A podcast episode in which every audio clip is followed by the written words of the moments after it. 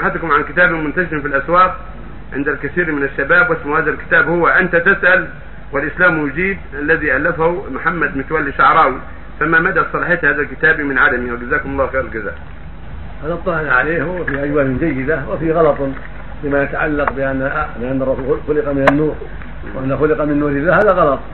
بنى على حديث باطل موضوع لا أصل له. فغلط فيه عفى الله عنه وعنه ولا بد أن ينبه عليه إن شاء الله. الله. تعلم منذ أيام. لأن بعض الناس قد يرى في هذا ويوجد من بعض الخطباء وبعض الناس يتكلمون في هذا. ويقول إن محمد خلق من نور الله وبعضهم يقول خلق من نور العرش. كل هذا كلام باطل لا أساس له كله باطل. محمد صلى الله عليه وسلم خلق من ماء من ماء أبيه وأمه مثل بقية الناس.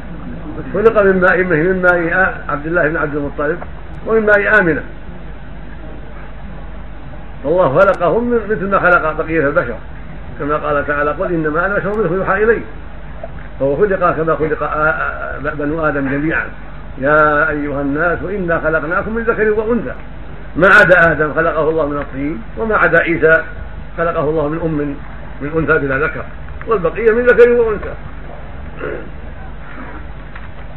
قال جل وعلا الذي أحسن كل خلقه كل شيء خلقه وبدأ خلق الإنسان من ثم جعل نسله من سلاله من ماء ميت.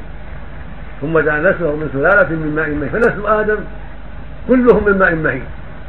ومحمد صلى الله عليه وسلم وبقية الرسل كلهم من نسل آدم عليه الصلاة والسلام.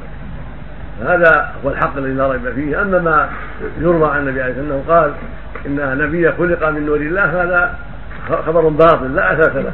وهو مكذوب على النبي صلى الله عليه وسلم ليس له صحة. فينبغي يعلم هذا ويكون على البال لأن هذا من الاخطاء التي شارك على السنة بعض الناس.